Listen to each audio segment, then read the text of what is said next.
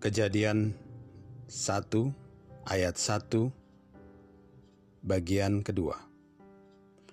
Pada mulanya Allah menciptakan langit dan bumi. Pada mulanya adalah Allah. Ketika segala sesuatu dimulai oleh Allah, maka setiap pekerjaan, peristiwa, perjalanan, arah dan tujuan berasal dari Allah. Allah yang mengatasi segala waktu agar rencananya terlaksana. Kita mungkin percaya bahwa Allah mengawali segala sesuatunya, tapi belum tentu ketika kita mengalami peristiwa tertentu yang tidak sesuai dengan apa yang kita harapkan dan rencanakan, langsung kita bisa percayai, langsung kita bisa terima.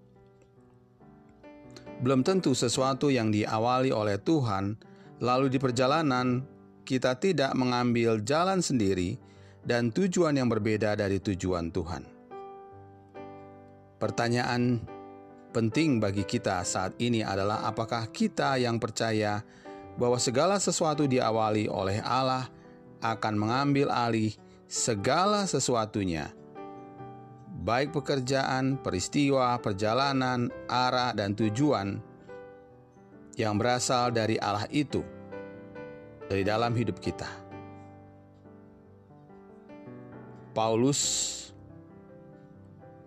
menuliskan dalam Filipi pasal 1 ayat 6 yang berbunyi, Akan hal ini aku yakin sepenuhnya, yaitu ia yang memulai pekerjaan yang baik di antara kamu akan meneruskannya sampai pada akhirnya, pada hari Kristus Yesus.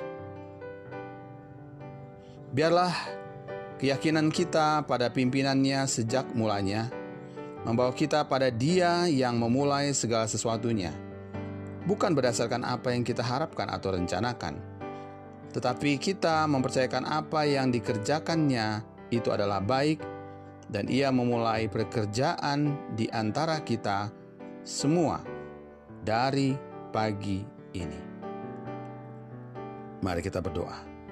Tuhan ajar kami meyakini apa yang Engkau sudah awali jauh dari apa yang kami harapkan dan rencanakan. Dari sejak permulaannya, bahwa kami kepada apa yang Engkau rencanakan dan pimpin untuk kami lewati, baik itu berbagai cobaan, tantangan, bahkan kesulitan.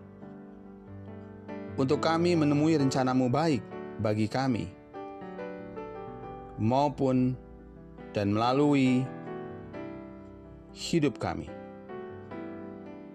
Tuntun kami untuk tidak menyimpang ke kanan ataupun ke kiri dalam memenuhi rencanamu itu.